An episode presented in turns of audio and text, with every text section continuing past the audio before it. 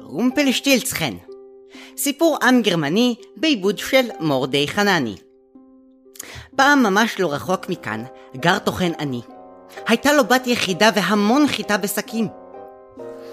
באותם הימים הם היו צריכים לסחוב על השכם שקים עם חיטה, ואז לשים ומטפיחים ומוסיפים מים, ותוך יום היה יוצא לחם.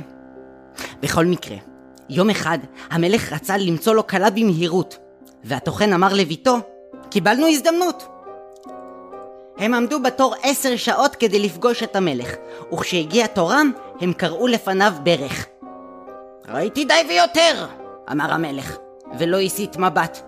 היו פה בנות מאלבניה, איסלנד, גיאורגיה, צרפת, אפילו בנות מקמבודיה, בוליביה, פרו וחוף השנהב.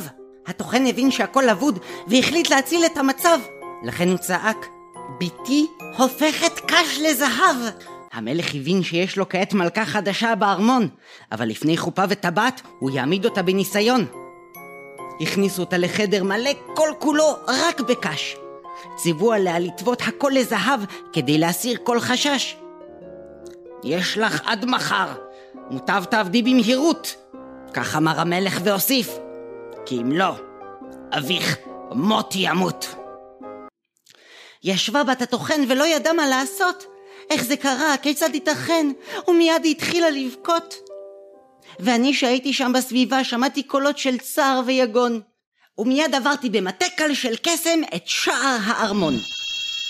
בת הטוחן סיפרה לי הכל, ומה שניסתה הרי לא ילך. אמרתי לה, היית רק צריכה לשאול. שלמי לי בטבעת שעל אצבעך.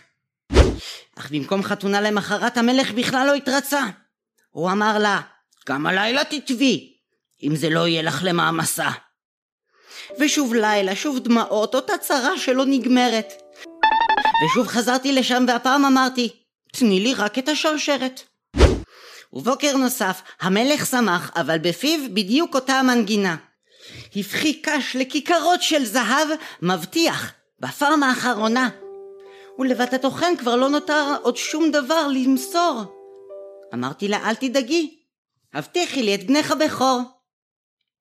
למחרת נערכה חתונה מרובת פאר והדר. המלך נשא את בת הטוחן, שאביה היה מאושר. מקץ תשעה חודשים נשמע בארמון קול בכי מתוק. ואני הגעתי כדי לגבות את חובי. בנה התינוק. היא בכתה ובכתה, הציעה לי כסף ומשרתים. אמרתי לה, בסדר, אני מוכן לוותר. רק אם תגלי לי מה שמי. אוצלי גוצלי? מצחיק מאוד. ככה קוראים לי בישראל. אבל עכשיו ברצינות. אני דורש, אני שואל. נו, למה אתם שותקים, ילדים מוזרים? מה היה השם שנתנו לי האחים גרים? הלכתי מחדר בת הטוחן והייתי כל כך מאושר. זה בהחלט רעיון שמצא חן. סוף סוף יהיה לי בן זכר. אבל לא ידעתי שבת הטוחן שלחה שליחים לכל כפר ועיר, ושניים מהם שמעו אותי במקרה מאושר ושמח, ושר לעצמי איזה שיר.